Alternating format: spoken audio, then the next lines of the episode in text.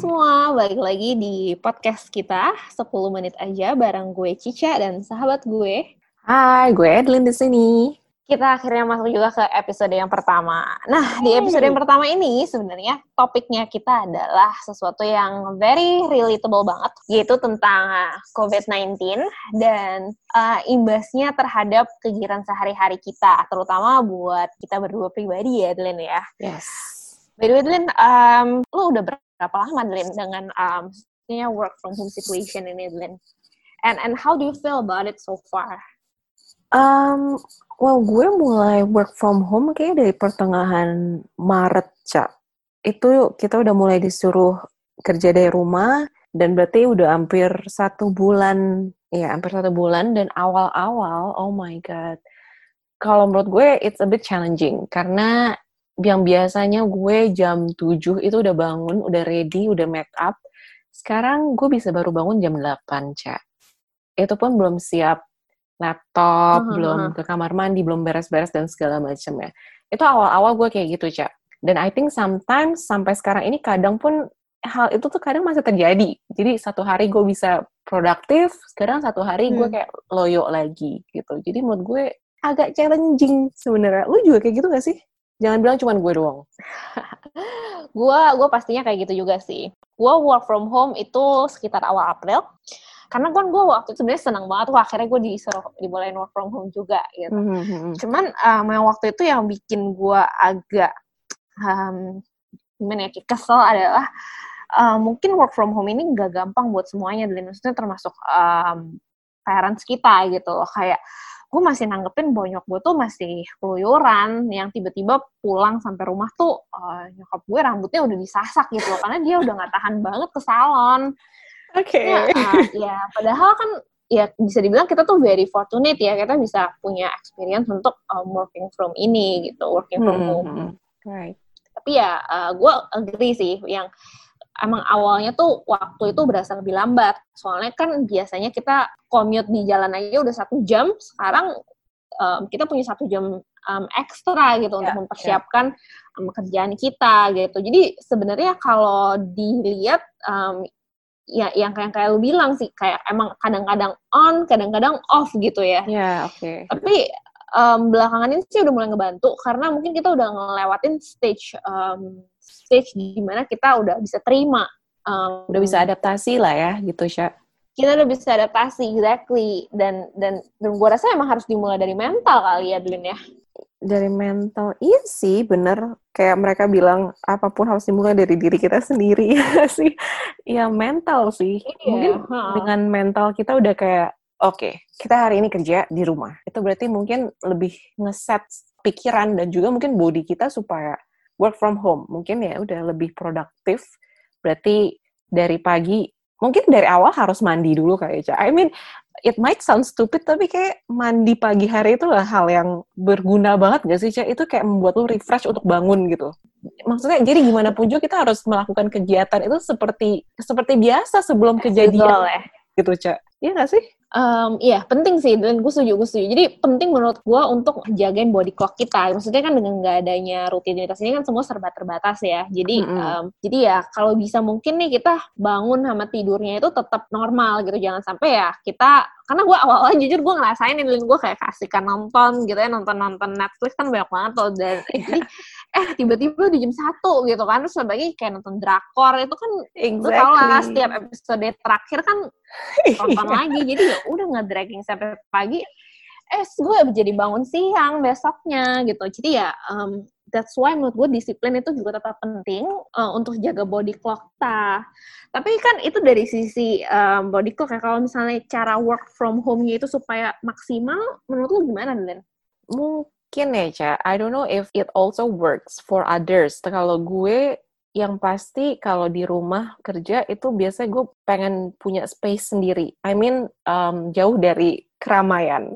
Itu lebih membantu gue untuk konsentrasi.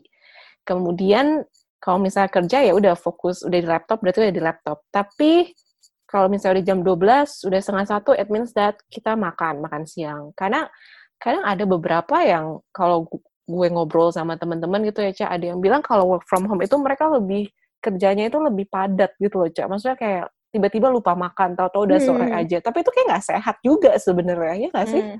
Iya, iya. Maksudnya uh, tetaplah ya, kita kan juga menjaga kesehatan gitu. Jangan yeah. lupa kita kalau udah duduk kelamaan ya kita stretching dikit sambil yeah. maksudnya kita juga tetap harus banyak minum air putih dan mungkin kalau misalnya emang udah jenuh gitu ya, Cak, kalau misalnya lagi kerjaan misalnya udah mumet banget, I think it's a good time to start leaving your computer or your laptop. Mungkin itu adalah saat di mana kita harus, oke, okay, stop dulu sama kerjaan, coba cari udara segar di luar di balkon atau mungkin cari uh, snack mungkin yang bisa membuat kita sejenak lupa dari kerjaan kita ngobrol sama keluarga mungkin sebentar sebelum akhirnya kembali lagi ke kerjaan gitu. Iya, jadi kita juga lebih kenal diri kita lah ya. Kalau kalau kita udah ya kalau kita udah mulai jenuh dikit ya kita take a break gitu. Yeah. Tapi uh, eh, gue agree sih sama lu sih. Terutama nih mungkin buat teman-teman yang tinggal di kosan ya. Maksudnya kan kosan juga tempatnya lebih, lebih terbatas ya ruang geraknya. Mungkin kalian um, ke balkon cari udara segar gitu. Ntar lah ngeliat langit di sana langitnya kan lagi bagus-bagus banget nih gitu kan. Tapi Glenn menurut gue nih ya, yang nggak kalah penting sebenarnya untuk mental health control our mood sih. Soalnya kan terutama input-input yang um, masuk ini kan kayak berita-berita, forwardan-forwardan grup itu kan uh, mm-hmm. bisa dibilang nonstop ya. Mm-hmm. Jadi sebisa mungkin kalau dari gue sih sebisa mungkin kita supaya saring-saring lah yang mana sih yang kita bisa percaya, yang mana sih yang kita perlu percaya sama sekali. Toh itu kan semuanya yang kita consume itu kan gratis ya. Jadi might as well, um, kenapa kita nggak konsum sesuatu yang lebih um, positif gitu, sesuatu yang lebih um, ya dibandingin itu nggak dragging um, mood kita sendiri sih. Kalau kalau kalau menurut gue ya. Ya, kalau gue boleh jujur ya, gue lebih percaya akurasi yang di-share oleh grup temen dibanding grup keluarga gue ya. Karena di situ well, I'm sorry. Kebayang sih. Ya, tapi ya, tapi ya karena emang ini kadang kita juga harus kasih tahu orang tua mungkin ya jangan asal sharing karena itu juga kadang mereka juga sebenarnya dapat dari grup lain gitu loh cak ya mungkin grup sesama ibu-ibu atau sesama bapak-bapak gitu. Tapi itu benar juga karena kita okay. menyaring berita yang nggak harus semua berita kita tahu gitu loh apa yang terjadi di dunia. Karena kalau misalnya kita mau menyerap semua informasi semua kayaknya agak wow nggak mungkin kayaknya. Bisa gila kita cak agree agree dan menurut gue yang paling disayangkan malah sebenarnya waktunya sih Lin. Waktu yang sama yang kita habisin untuk energi yang mungkin sebenarnya draining ourselves. Kenapa enggak kita buat explore ourselves? Oh ini kan sebenarnya actually part of some part of me itu sebenarnya kayak lu tuh udah lama banget ngeluh lu nggak punya waktu untuk untuk memulai hal-hal yang baru gitu. Mungkin ini jawabannya untuk kita uh, memulai sesuatu yang kita sebenarnya pengen lakukan tapi belum ada waktunya. Misalnya baca buku atau buka resep baru. Mm-hmm. I don't know. Kalau kalau Adeline sendiri gimana? For the past few weeks ada hal-hal baru nggak Adeline yang Adeline explore?